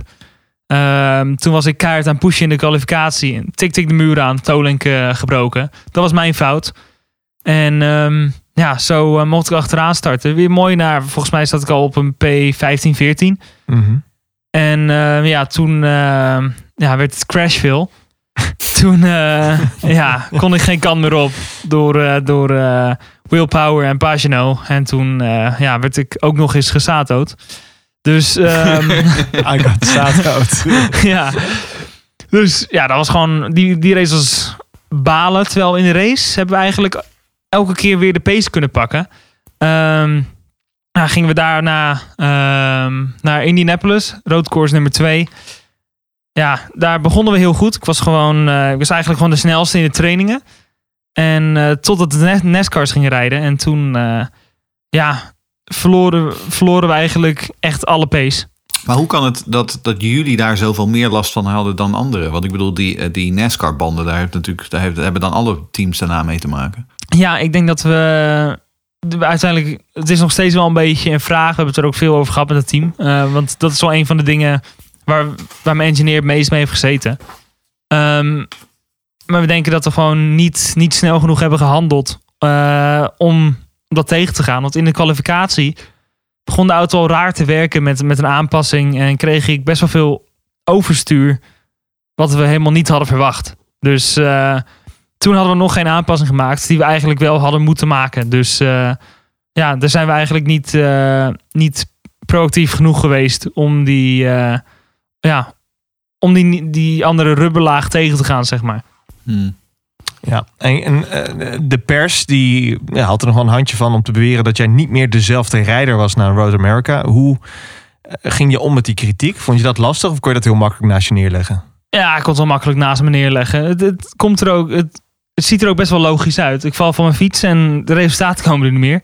Dus, ehm, maar ja, uiteindelijk ik ben degene die in de, in, eh, in de auto zit. En binnen het team, ja, we, we konden gewoon niet meer de goede setup snel genoeg vinden. Dus eigenlijk na de kwalificatie hadden we pas de setup klaar die we voor de kwalificatie nodig hadden. Dus Ja. dan moet je achteraan starten. En ehm, dan vecht je jezelf door het veld heen. Maar dan, ja, dan uiteindelijk... ja, in de race hadden we dan een goede auto. Alleen als je van achter komt, heb je toch wel meer risico wat er fout kan gaan. En eh, zo hebben we eigenlijk ja, bijna elke race wel, eh, wel wat gehad wat, wat tegen ons keerde. En dat is ook, je begon ook door te zeggen van ja, het is de sweet spot vinden. En dat, dat maakt natuurlijk het, het, het IndyCar kampioenschap zo ontzettend eh, interessant om naar te kijken. Omdat het echt om de details gaat. Eh, het ene moment eh, zit je erbij, het andere moment zit je er niet bij. En dat zit in zulke kleine details. Maar ik kan me ook heel goed voorstellen dat het ontzettend frustrerend ook voor jou is. Als je ook ziet, hè, mooi voorbeeld, IMS. De road course. Je- 15 mei, eh, een geweldig feest. Je was dominant. Je was op elke band, was je snel rood, was je ontzettend snel mee. En alles wat je toen had, heb je dan niet een paar maanden later op exact hetzelfde circuit. En dat zit in zulke kleine details. En in dit geval dus een andere bandencompound wat neergelegd is door die NASCAR-mannen. Dat, denk je toch ook van jeetje, dat, waarom lukt het dan niet? Heb, heb, heeft je dat, hoe, hoe ga je daarmee om? Ehm, ja, eerst baal je natuurlijk wel. Ehm, maar het zet je ook weer aan het denken. En eh, het is toch wel een goede, goede wake-up call om, om nog meer uit het team te halen. Nog meer eh, eh, ja, besprekingen te hebben. Om met z'n allen te gaan zitten van wat kunnen we nou echt beter doen. Want je bent nooit echt perfect. En dit laat wel onze zwakke kanten ook zien van het team. Zwakke punten. En nou, we hebben nu wel een duidelijk beeld van wat er anders moet voor het volgende seizoen. En als we het dan toch hebben over hè, eh, nadenken en, en wat kan ik beter doen. Ehm, je krijgt natuurlijk ook in de pers na Gateway nog wel wat, eh, wat klappen te verdienen, eh, te ver- verduren. Als je achteraf ernaar kijkt, zijn er dingen waarvan, is er iets waarvan je denkt van nou, dat had ik bij nader inzien. En achteraf is het altijd makkelijk praten, maar dat had ik toch anders moeten doen. Of, of, of is het echt gewoon gelopen zoals het gelopen is en je, je, had er- je ziet geen andere uitkomst? Ehm, nou, alles wat ik heb gezegd, sta ik nog steeds achter. Ik heb ook niet mijn excuses aangeboden, omdat ik bied alleen maar mijn excuses aan aan die rijders als, als ik de schuldige ben. Maar ik heb wel laten weten dat ik, eh, dat ik het natuurlijk heel jammer vond dat, dat hun erbij involved waren. Ehm, en voor de rest, ja, ik, eh, ik had graag nog die onboard gedeeld op social media. Dat had ik ook even gedaan. Alleen eh, toen kreeg ik heel snel teammanager op mijn nek dat ik hem eraf moest halen. En ehm, om uiteindelijk te horen een paar dagen later van ja, je had hem eigenlijk wel erop kunnen laten staan. Maar ja, om het dan nog te gaan posten, toen was het, ja, dan, dan ben je het weer aan het aanwakkeren. Is het een rechte kwestie of zo? Of? Ja, er is een Eh. regel inderdaad over dat je die onboards alleen voor intern eh, mag gebruiken. Maar het is, eh, er, er zit wat regels, maar het is ook allemaal wel een beetje open voor interpretatie. Ehm, dus ja, het was een beetje Ja. ongelukkig Maar ja, als je naar Connor kijkt, Ja, die die, doet eh, die, die doet het wel. Die heeft er wel eh, ja, een beetje maling aan.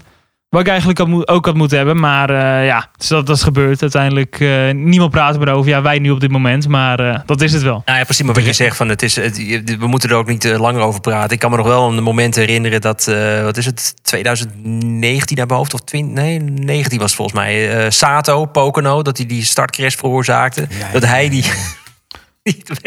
dat hij dat, die onboardcamera van het team dan online had gezet. Ja, kijk maar, zie je, kon er niks aan doen. Terwijl dan iedereen zag, oké, maar nu is het wel heel duidelijk dat jij er wel heel veel aan doen. Het kan ook Dus tegen het je kan ook tegen je werken. Maar goed, het is altijd verhaal. Ja, brengt ons eh, bij de volgende award. Eh, ja, een beetje een markant. Maar namelijk de grootste teleurstelling van 2021.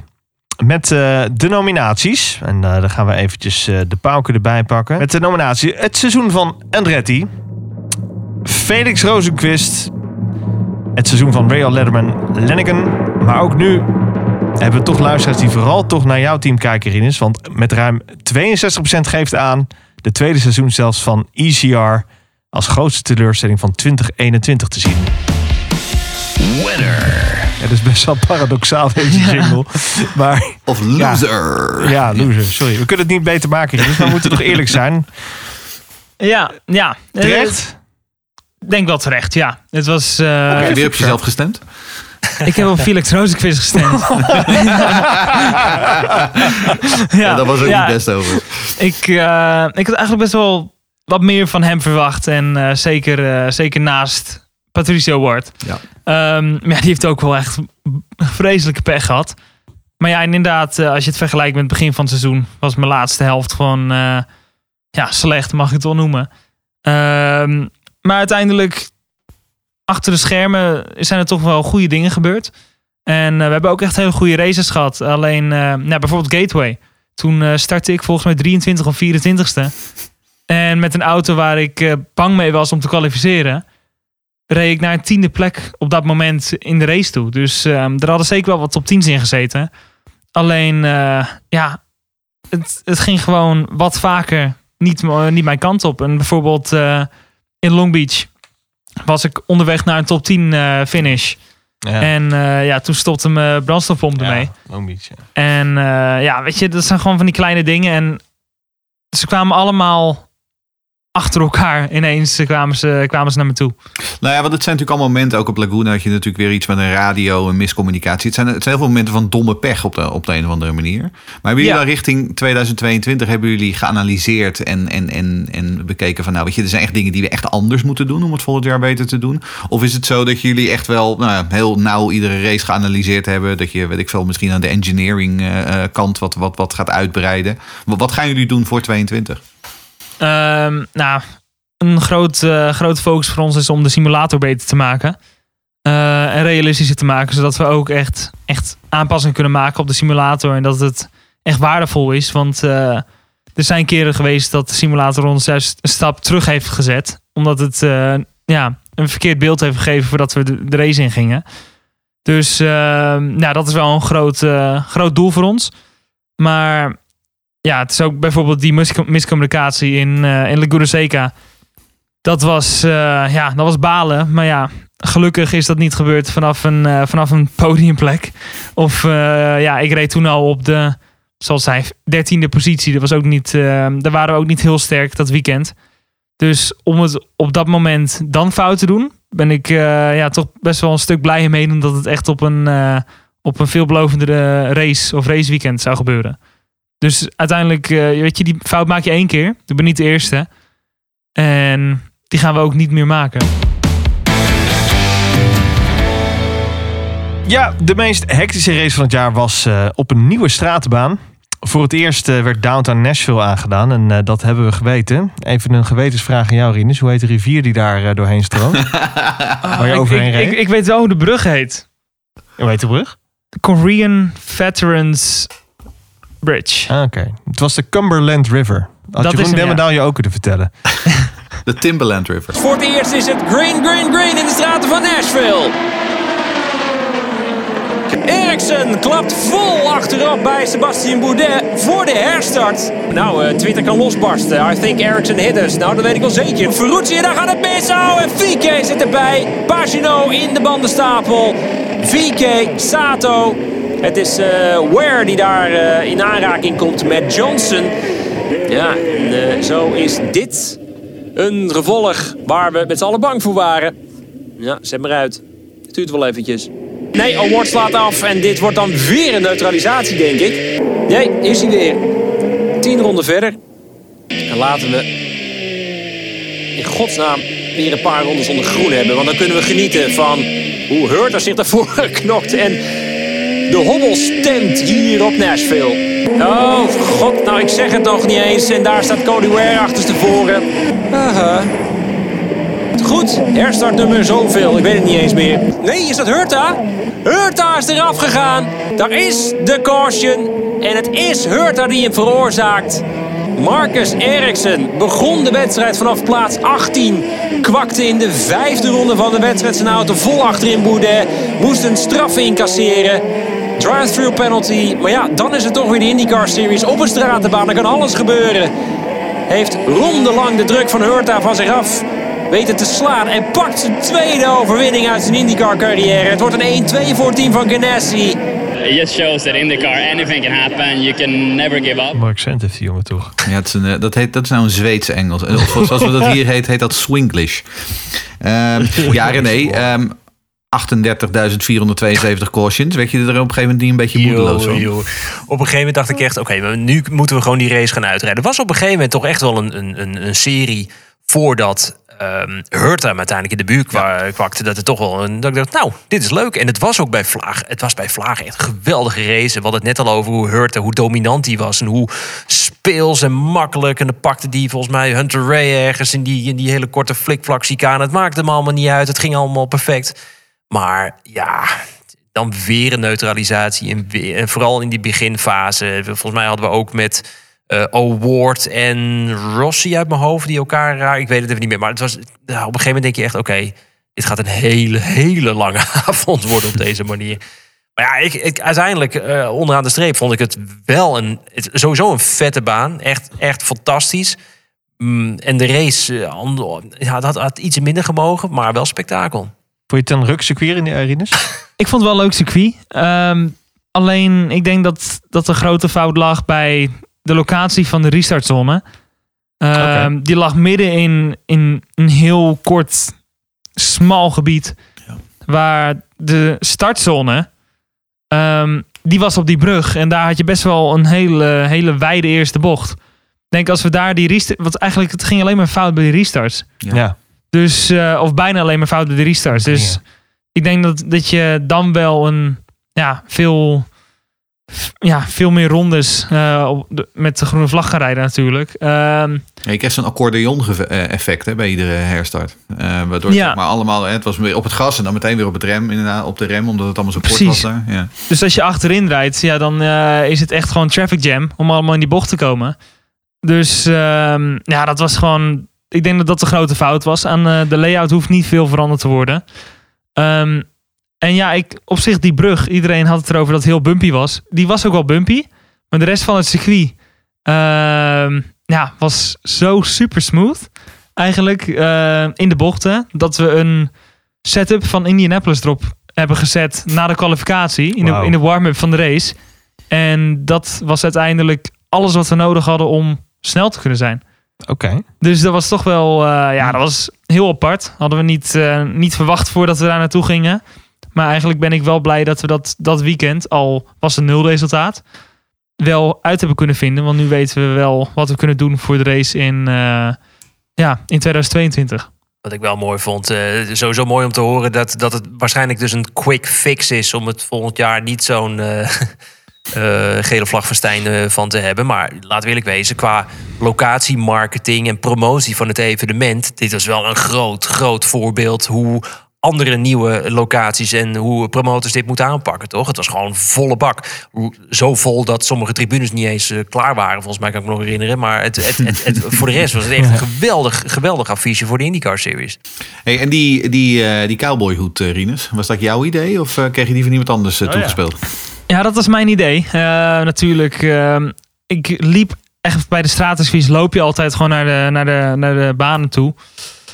En ehm, ja, hier moest ik over Broadway. Dat is dus een beetje de straat met al die eh, country clubs. En eh, daar had je ook zo'n winkel. En ik zag, ja, ik dacht, ja, ik moet wel eigenlijk zo'n eh zo'n cowboyhoed kopen. Dus ik was gewoon bij, bij zo'n winkel naar binnen gelopen. En ik zag een hele mooie plank met uitgelichte dingen. Ik dacht, hé, hey, die zijn wel mooi. Ehm, die was best wel heel duur eigenlijk. Maar ik had al mijn pinpas in, de appara- in het apparaat zitten. Dus ik denk, ja, ik kan hem nu ook niet meer terugtrekken.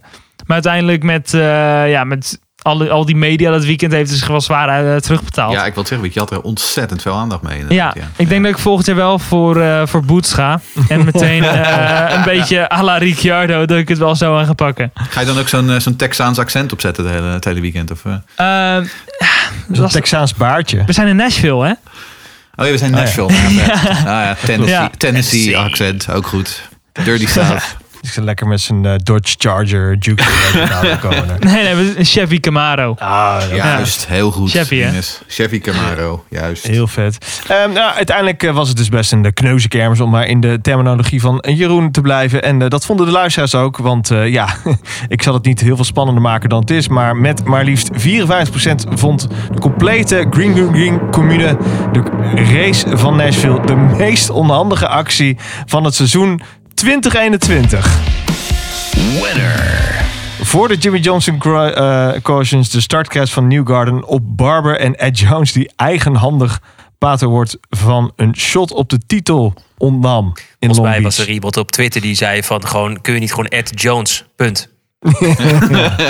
ja. ach. Ja. actie, Ed Jones, punt. Nou ja. Eens, Rinus? Ja, zeker wel eh, waardige winnaar. Ehm Waar ik heb er ook, ook op Nashville. ja, dat was toch wel... eh, Niet in de laatste plaats vanwege je eigen malheur, maar dat maakt verder ook niet uit. Nee, maar Nashville was wel... eh kijk, IndyCar staat er wel onbekend dat er veel gebeurt. Maar Nashville is, was wel echt next level. En ja. ja, op sommige momenten, toen ik, eh, toen niet meer reed, schaamde ik me wel een beetje. was het wel meer een beetje eh, plaatsvervangende schaamte naar IndyCar toe. Mm. Hoe, hoe sommige dingen echt wel eh, heel erg fout gingen. Ook op een gegeven moment dat er water de baan opliep. aan de binnenkant van één bocht. Ja. Alles ging ook echt fout. Dus, eh, Maar, na maar ik die- denk dat Na de Indy 500 wel de best bekeken race hè, op tv. Ja, ja, zeker wel. Dus eh, ook wel heel gaaf hoe ze die brug over gingen. Ja. Dat, eh, dat zijn wel hele, hele, hele... Vet hoor. Ja, veel bekeken shots. Maar ik denk dat, eh, dat volgend jaar wel nog veel beter kan. Ja, aangezien we nu al eh, alle, ja, alle, alle veranderingen wel weten wat er gema ge- gemaakt moet worden. Lekker. Ja, na 16 races eh, werd dan toch een eh, kampioen gekroond. In theorie waren er nog drie kanshebbers, maar dat werden er al vrij snel slechts twee. De kampioenschapsrace in Long Beach. It's going to be a great day. Pato. This is big for the championship. Yeah, really low percentage move really on the first lap, downs, and It's just really not needed. Got hit. Yeah, I saw that. Yeah, John. There you see Zach Brown and Taylor Kyle from the McLaren team. They can't believe their luck on the opening lap. And trouble here for Pato Award. Oh. Championship contender. Kevin, it's over. Gearbox issues, slowing to a stop. One from the championship eliminated, it appears. I can see that the half shaft, Kevin, is broken right here where he got hit. Look at that. Where he got hit right there, that uh, drive shaft, Townsend, is broken. So that's the corner that he got hit on, and that has eliminated them from the race. Alex Palou is an NTT IndyCar champion. Thank you so much. Thank you. You're an amazing team. Thank you so much. What a year. Um, what a season, and this team is amazing. I, I don't know what to say. It's just, I'm super proud of being part of Chip Ganassi Racing. Terecht kampioen, eh, mannen. Ja, toch. Eh, ik bedoel, volgens mij hebben we het net al over gehad, inderdaad. Het, het is misschien niet altijd spectaculair, maar je hoeft ook niet altijd spectaculair te zijn om een kampioenschap binnen te halen. Misschien juist niet. Eh, gewoon de constante factor. Eh, wat heeft hij uiteindelijk? Drie overwinningen, maar vooral heel vaak binnen die top eh, vijf, top zes. En eh, ik vond, als ik Portland was dat toch? Ja, Portland was ook een mooi moment. Dan werd hij eigenlijk in die eerste chicane werd hij ook nou, bijna een kansloze positie. En uiteindelijk komt hij dan toch wel weer terug. Dus misschien is dat ook weer Ja. het geluk van een kampioen. Dus nee hoor, helemaal terecht. Nou ja, en je, je hoort het natuurlijk ook in, de, in, in het fragment net al natuurlijk. Eh, de man die je daar hoorde praten over de low percentage move. Dat is eh, de befaamde Paul Tracy. Ook wel bekend als de Thrill from West Hill. Ehm, die eh, oud-IndyCar-coureur die natuurlijk zei... Ja, Ed Jones, eh, die zorgde er eigenlijk voor dat we die hele kampioenschaps... Battle meteen eh, in de eerste paar ronden al door onze neus geboord kregen. Want ja, op dat moment was Pato Award uit de wedstrijd. En toen eh, hoefde Paloma alleen maar uit te rijden.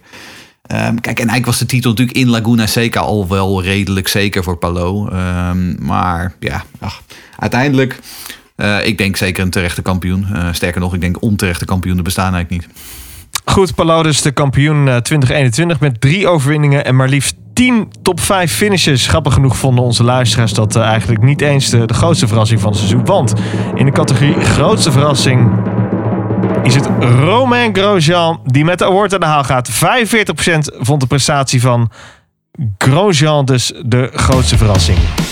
Winner. En maar liefst 36% de titel van Palou. Interessant. Nou, en ik vind wel ook vooral, Mar ik weet niet wat de percentages nou uiteindelijk zijn van Marcus Eriksen, maar dat hij dus twee overwinningen behaalt, dat, eh, vinden, dat vinden we doodnormaal. Eh, Ja, Eriksson, ja, Eriksson kreeg 9% en, Myers, en Myers Schenk die de Indy 500 wint. Want dat, zagen we van tevoren, dat hadden we van tevoren er ook niet ingevuld op het totenformulier. Ehm 12%. Ericsson hit us. Ja, nee, dus... ehm, ja, en weet je, was het nou wel zo verrassend? Is dit niet een beetje... Ik bedoel, ik geloof wel dat wij van tevoren eh, aan, voor aanvang van het seizoen zeiden van... Nou ja, hij kan wel voor wat verrassingen zorgen. Eh, aan de andere kant hadden we verwacht dat hij meteen een pole zou pakken. Dat hij een aantal pol- eh, podiums zou pakken. Eh, misschien niet. Eh, zeker ook niet omdat hij bij Dale Coin Racing zat. Maar ehm, ja, je merkt gewoon het werk. Vooral hij en zijn engineer, hè, die Olivier Boisson. Dat is een hele goeie. Ehm, en, en die twee werken heel goed samen. Die gaan nu met z'n tweeën naar Andretti. Volgend jaar. Dat, eh, dat, wordt nog wel, eh, dat wordt een grote concurrent voor Rinus, denk ik. Ja, denk het wel. Maar ik had ook ehm, in die poll... Wat heb jij ik, gestemd? Ik heb gestemd op eh, Alex Palou, kampioen. Toch Want ehm, ja, Grosjean, ik had al verwacht dat hij wel, eh, ja, wel zou competitief zou zijn. Ja. Die weet wel hoe hij een, eh, een auto met vleugels moet rijden. Dus ja, ik had al verwacht dat hij mooie dingen zou doen. Ehm, dus ja, Alex Palou, kampioen, die had ik echt niet aan zien komen. Uiteraard. Dan hebben we nog een extra woord. Waar we dachten dat we eigenlijk maar één genomineerde zouden hebben. In de categorie Beste Tirade van het jaar. The guys up there in race control never listen to any drivers. They never listen. They don't care. I worked my ass off today. So much money goes into it, and it's just dumb decisions like that. Like, oh man, if it's not a yellow they throw, it's some stupid idea like this, a red flag. Eh, ik hoor hier Toowoomba, Australië in mijn oor. Eh, hadden we gelukkig nog een tweede kandidaat. Want in het slotweekend van het seizoen, eh, in, een- in onze eigen ogen ook een heel mooi winnaar. Helio Castroneves was niet zo blij met Alexander Rossi in de vrije trainen. En dat liet hij merken ook. Totally unnecessary. Totally unnecessary. It's absolutely insane. So I'm pissed off about it. But anyway, just come down and move on to the race. But he'll turn, he will come. How much does this set you back in preparation for the race? Oh, where you've got a on, chance it's to win? ridiculous. It's a f***ing warm-up. It's ridiculous. I gotta watch it. It's absolutely insane. Eh, ik vind het echt heerlijk, ook die nuance halverwege die zin. En daarna ook gewoon Ja, oppakken. Nee, maar Hij was, hij ik was, denk hij ook was dat hij... hij was het mee eens. Hij- hij- Ja, nou oké, weet je wat. En toen kwam er nog die, die vervolgvragen. Nee, ik ben nog steeds boos eigenlijk. En ik ben nog veel bozer. En dat moet ik laten merken ook. Ja, heerlijk joh. Eh, maar goed, ja, maar was, heerlijk. ja, was behoud- uiteindelijk niet de winnaar, toch? Of wel? Nee, Nee. nee. want ik, kijk, wat ik had persoonlijk, ja, ik vond toch Helio. Ik dacht inderdaad, ja, het wordt natuurlijk gewoon Will Power. Want Will Power bijna een abonnement op, de tira, op een tirade gedurende het seizoen. Maar ik vond die van Helio toch wel heel mooi. Ehm, maar onze, onze luisteraars vonden van niet. Eh, met 63% Will Power, de winnaar. Vorig jaar eindigde hoor. hij ook al zo lekker in St. Piet, toch? Toen hij zijn, eh, zijn handsysteem of zo ook ergens in. Oh, toen hij zijn handsysteem inderdaad Straat. in, in En dan gooide die in die stand, Was er in Nashville? Nee, dat was Nee, op St. Piet. Dat was de seizoen. Oh, St. Piet, sorry. Ja, ja, was St. Piet, ja. De Want, laatste want- race. want het was die hele race al gewoon op Prut. En toen had hij hem weer een keer in de muur ge- geparkeerd. En toen inderdaad toen Hij begon was aan het eh, koken toen. Ja, echt geweldig. Maar dat is ook wel mooi Ja, ook nog vorig Power. jaar een Indy volgens mij op de eh, roadcourse. Ja. Ja. Was het, of was het dit jaar? ja. Nee, dat was eh, de eerste GP dit jaar. Toen gooide hij ook weer een handsysteem volgens mij. dat maakt, het, dat maakt de sport toch ook mooi. maar daarom heb ik Wat- ook... Wat, wat had jij gestemd? Ook op Willy, Willy, Willy nee, juist niet. Niet? Omdat het zo normaal is dat hij schreeuwt. Ja, maar ja. Dus ik ben voor Helio gegaan. Omdat eigenlijk, ja, iedereen was, eh, was gewoon bezig aan de training. En toen kwamen de auto uit. En eigenlijk ging het volgens mij bij elk team, ging het in de debrief, ging het erover, over hoe hard Helio aan het schreeuwen was. dus die vond ik uiteindelijk, eh, ja, die is me wel het best bijgebleven. Ja. Braziliaan met een kort lontje. Nou ja, daar hebben we op zich ook wel genoeg van gezien. Maar wel mooi dat, eh, wel mooi dat Helio met deze award eh, er vandoor gaat. Maar Will Power, goede kerel toch wel? Ja, zeker. Ah, Will zeker. Power krijgt de award, hè? niet Helio. Ja, oh, ja. Will, oh ja, Will, eh, Will krijgt de award, sorry. Ja, nee, Helio gaat er inderdaad niet mee vandoor. Maar ja, wel mooi dat hij een eh, compliment krijgt hier. Maar Will, eh, kun je goed een biertje mee drinken? Ja, ik heb eigenlijk 4th of July heb ik met hem gevierd. Maar dat meen je niet. Ja, dat was eh, na de race in Mid-Ohio. Komen er dan ook van die Toowoomba steaks eh, op de barbecue? Gebarbecued Nee, kangaroo, voor ons ja. waren het braadworsten en s'mores. Dus, eh, Wat zijn s'mores dan? S'mores, dat zijn van die... ehm, ja, dat is Amerikaans. Dan ging het allemaal voor, voor het eerst eten. Oh, samen met Grosjean, die was er ook. Ehm, dat was op de, bij de motorhome lot, zeg maar. Ja, maar die En- kan goed koken, hè? Ja, weet je, nou, die, Die de koksopleiding gedaan. Oh, dat wist ik geen eens. Ja, maar die was, die was niet aan het koken, hoor. Oh. Maar ehm, ja, die s'mores, dat zijn eigenlijk van die marshmallows. eh, dan gesmolten op een soort eh, graham cracker, is dat? Ja. En met een reep chocola. En dan een soort sandwich is dat. Wat? Ik, ik Ja, het is heel niet lekker. Klinkt heel Ja, eh, topsport verantwoordelijk wat ik hier hoor. nou, ik had het verdiend aan de race. En eh, die jongens ook. Dus, eh, maar uiteindelijk heel leuk staan kletsen. En eh, ja, ook zelf ook wel wat, wat luide woorden van, eh, van Will gehad in de laatste race in eh, Long Beach. Toen had ik ook in de training, eh, ja, heb ik hem opgehouden in zijn snelle ronde. dus toen kwam hij bij, de, bij het wegen, kwam hij schreeuwend naar me toe. En ik zei heel rustig, rustig tegen hem, Will, maar iedereen deed het. En de jongens voor me ook. Zei hij, ja, je hebt eigenlijk ook gelijk. En toen reed hij zo op zijn scootertje weg. Dus Oh, eh, dat was het. dat was het. Dus hij is best wel impulsief. Maar eh, het is een hele, hele mooie gozer. Ja. Zo, het seizoen 2021 hebben we eh, ja, nu al op verschillende manieren belicht. Wij doen hier ook gewoon een score, scorebordjournalistiek, Rinus. Dat wist je nog niet. Oké. Of in dit geval rapportcijfer journalistiek. Als jij jouw seizoen 2021 met een cijfer zou mogen beoordelen, welk cijfer zou dat zijn? Gaat het over mijn eigen seizoen? Ja, eigen seizoen. Ja, ni- niet van ECR. nee. Ehm, ik denk 7,5. Ja. Ik denk ehm, dat het de eerste helft van het seizoen was een 10. En de tweede helft van het seizoen was een 5. Dus net een onvoldoende. En samen, als je die bij elkaar optelt, wordt het 7,5. Dus eh, ja, ik denk ja, dat, we, dat we gewoon een mooi seizoen hebben gehad. Ik heb een overwinning gehad. Ik heb eh, een mooi begin van het seizoen meegevochten in de top 5 van het kampioenschap. En echt wel een beetje laten zien eh, wie Rinus nou is. En eh, ja, dat eind van het seizoen, eh, dat, daar is iedereen keihard mee bezig om, eh, om, om, aan te zorgen, om te zorgen dat, eh, dat het niet meer gaat gebeuren. Dus eh, ik heb heel veel zin in het volgende seizoen. Hopelijk kan dat een team worden. Hey, want hoe zien jouw eh, wintermaanden er nu uit tot aan eh, februari? Ehm, nou, nu dan eventjes naar Nederland. Ehm, en dan na de kerst vlieg ik naar de Curaçao. Lekker even in de zon met de auto nieuw. En dan, ja, dan, ben ik in, dan ben ik in Amerika. Dan ga ik waarschijnlijk niet meer terug naar Nederland. En ja, in die tussentijd ben ik gewoon heel hard aan het trainen. Zorgen dat ik nu beetje sterker kan worden. Ehm, zodat ik ook een beetje shirtless foto's kan plaatsen. Net als eh, New Garden. en, eh, en ja, voor de rest eh, ja, probeer ik nu even daar focus op te leggen. En eh, elke keer als ik naar Amerika toe ga, wil ik altijd bij het team langs. Om gewoon even kijken, om, om te kijken hoe het daar gaat. En ja, toch wel even part of the team te zijn. En even die jongens even gedag zeggen. En ja, gewoon even laten zien eh, dat ik er ook mee bezig ben. Om, eh, om net als hun een verschil te maken. Heb je dat trouwens, het appartement nog op de Speedway, bij de Speedway? Nee, ik eh, ben ook weer zo wat. Eh, na de Indy 500 ben ik verhuisd naar eh, Fort Lauderdale, Florida. Oh. Dus ik ben nu bijna buren met Hunter Ray. Ehm, dus ja, ik woon nu in Florida. Het is toch wel lekker als je in de winter even naar Amerika toe gaat. Dan kan je meteen je zonnebrand meenemen. Ja, dat is wel chill. In ja. plaats van, eh, ja... En je weet dat als je buren bent bij Hunter Way, dat de DHL op tijd komt. Dus dat is ook wel Ja, niet meer. dus. Niet meer. Nee, niet meer, nee. En je noemde net al, eh Rinus, over eh, volgend jaar. En we hadden het net ook over dat, dat, het- dat verschillende, misschien kleine details zijn waar jullie aan willen werken. Je noemde net al de simulator. Maar hoe werkt het dan? Want het is toch een Chevy simulator waar jullie dan eh, bij alle Chevy teams gebruik van maken? Of zie ik dat verkeerd? Klopt. Ehm, alleen ehm, elk team heeft eigenlijk, eigen, eh, eigenlijk een eh, gesloten folder. Ja. Met bandenmodellen, eh, baanmodellen. Dus net hoe die band werkt en hoe alles aanvoelt. En, eh, Dus jullie hebben een ander ba- baanmodel en een ander bandenmodel dan bijvoorbeeld Penske of een ander Chevy team? ja, een ander gripmodel, zeg maar. Ja, precies. Dus ehm, die ontwikkelen we zelf. En eh, Die, ja, die, die, die, die mapping daarvan. die mapping. Je mag wel zeg maar de oude dingen van andere teams eh, proberen, andere gripmodellen. Alleen, ehm, nou, ik had die van Penske geprobeerd. Ik, ik vond het echt dramatisch.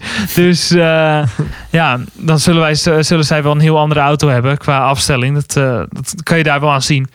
Maar ehm, ja, we hebben nu in drie, test, eh, drie simdagen afgelopen maanden... heb ik wel ehm, ja, heel, veel, heel, veel, eh, ja, heel veel kunnen leren. En met het team hebben we ook wel eh goede, goede veranderingen kunnen maken. Ehm, we gaan alvast even een eh, korte preview doen voor 2022. Wie gaan er verrassen in eh, 2022? Jeroen, trap jij maar af. Wie gaan er verrassen? Ehm, Iemand steekt hij zijn vinger op op links. Oh, nou. Oh, oh Rinus. Gaat Rinus verrassen? Nee, Rinus gaat niet verrassen. Rinus gaat volledig eh, in, in lijn met mijn verwachtingen eh, eh, presteren. Ehm, nou ja, kijk, waar ik, voor- waar ik voor, voor allereerst naar uitkijk is gewoon dat IndyCars blijven groeien. Zoals het er nu uitziet hebben we volgend jaar 26 fulltime auto's. Dat zijn er twee keer twee meer dan dit jaar. Ehm, en ja, die rookie class vind ik heel erg interessant. Want eh, we hebben natuurlijk inderdaad we een aantal jongens uit de, uit de Indy Lights... zoals Kyle Kirkwood en David Malukas die de stap omhoog gaan maken. Maar ook gewoon eh, de Callum Islets en, en Christian Lundgaard... die uit de Formule 2 overstappen. Ehm, dus ja, we hebben, het, het, zijn weer jonge honden. Het zijn geen eh, ve- veteranen meer deze keer. Het zijn echt jonge honden die nu eh, om die, om die rookie, om die rookie titel gaan vechten. Ja, en daar ben ik gewoon ontzettend benieuwd naar. Ehm, ik weet dat er nog een Formule 2 coureur eh, zeer waarschijnlijk op weg is richting, richting IndyCar. Ehm, dus het, wordt, het wordt een hele mooie rookie-klas. En het, het, het veld wordt eigenlijk alleen maar sterker. Dus ja, eh Rinus mag aan de bak. Want het, het, het- de competitie wordt ijzersterk weer volgend jaar. Vind jij het eh, gaaf, Rinus, dat zo'n eh, Nick de Vries gaat testen, bijvoorbeeld? Ik vind het wel gaaf, ja. Ja, eh, dat is ook best wel een trend hè, om jongens uit eh, Europa nu over te laten komen om, om die rookie-test zeg maar, te doen. Dat is ook wel waardevol voor de teams om gewoon een extra dag te pakken. Maar het is wel mooi. Ik ben wel benieuwd wat hij ervan vindt. Ook nog eens op Sebring. Dus die krijgen wel een ja, goed voorproefje van Amerika. Heb je al met hem gesproken? Eigenlijk helemaal niet. Maar eh, ik ben wel bij de test zelf. Het team gaat ook testen, het Carpet Racing. Dus Oh, vertel eens. kan ik nog niks over vertellen. Oh, eh, tot, totdat zij er iets over vertellen. Ehm, maar ik ben er in ieder geval bij, dus ik ben benieuwd hoe het gaat. En, Je gaat wel eh, wat ervaringen uitwisselen. En, ja, zeker wel, zeker wel. Ja, en Stoffel van Doorn door is daar natuurlijk ook op diezelfde dag. Dus in wat net wat Rines zegt, je hebt twee, steeds meer van die jongens, hè, oud F1-coureurs, eh, oud Formule 2-coureurs, die inderdaad deze kant eh, richting Amerika komen. Want ja, die Formule 1, eh daar blijven maar twintig zitjes. En die blijven maar ehm, eh, ehm, bezet, die blijven maar bezet door jongetjes als Rijke Lance Chinezen. Stroll en, en ik, precies, en, en Nicolas Latifi en Guan Yu Zhou. Ja, dan kun je misschien beter naar IndyCar gaan. Want sowieso is het veel leuker. En daar groeit eh, het veld wel. Nou ja, en wat, wat zo gaaf is, hè, we hebben het natuurlijk over de geweldige nieuwe lichting die eraan komt. Maar dan hebben we ook nog, oh ja, we hebben ook nog best wel een aardig deelnemersveld wat er al rijdt. En volgens mij hebben we het vorig jaar al gezegd van, nou nee, Andretti moet er nu toch echt wel komen. Maar ja, eh Rail Letterman Lanigan ook gewoon tegenvallend onderaan de streep. Als zij nu met, met, met Harvey erbij misschien wel de, ook de stap naar voren kunnen zetten. Als Andretti ook eigenlijk presteert zoals eigenlijk van ze verwachten. Door ook gewoon eh, met een Grosjean erbij. Het wordt... Ah, het wordt echt geweldig. Dat zeiden we vorig jaar al. En dat gaat volgend jaar alleen maar nog mooier worden. En, ehm, maar ja, volgens mij zeiden we aan het begin van laten we ons eh, verrassen door, door de, de, de verrassingen van rijders. Palo hadden we van tevoren ook niet verwacht als eh, kampioenschapskandidaat en kampioenschapswinnaar. Dus het eh, belooft ontzettend veel moois eh, voor 2022 te worden. Wat, eh, waar zou jij tevreden mee zijn, Rinus, voor volgend jaar? Heb je voor jezelf een doelstelling? Ehm, toch wel. Ehm, Ja? Ja. Deel hem met ons. Ik heb dit jaar één race gewonnen. Dus volgend jaar wil ik er twee winnen. Oké. En ja, toch wel constant blijven is voor mij eh, toch wel een doel. Om niet weer eh, dit, eh, ja, zeg maar deze, deze downward line te volgen die we dit seizoen hadden. Dus ehm, ja, ik denk een top, beetje top 6, top 8 in het kampioenschap. Is heel reëel. En ik denk ook wel dat we, zeker met Ed Carpet Racing, daar heel blij mee moeten zijn. Mooi gezegd. Dan wil ik jullie alle danken. En ehm, voor 25 afleveringen alweer, Rinus. Ja, ja, mooi. Het gaat bent er- hard. Je bent er toch bij. Het gaat zeker hard. En we gaan ook eh, vooral door. Het nieuwe seizoen start zoals het er nu uitziet eind februari in de straten van eh, St. Pete of in Florida. Maar natuurlijk zijn we er snel weer met een preview op het komende seizoen. En voor nu, geniet van de decemberfeestmaand. En wij melden ons weer. Tot snel. Yo. Yo. Yo.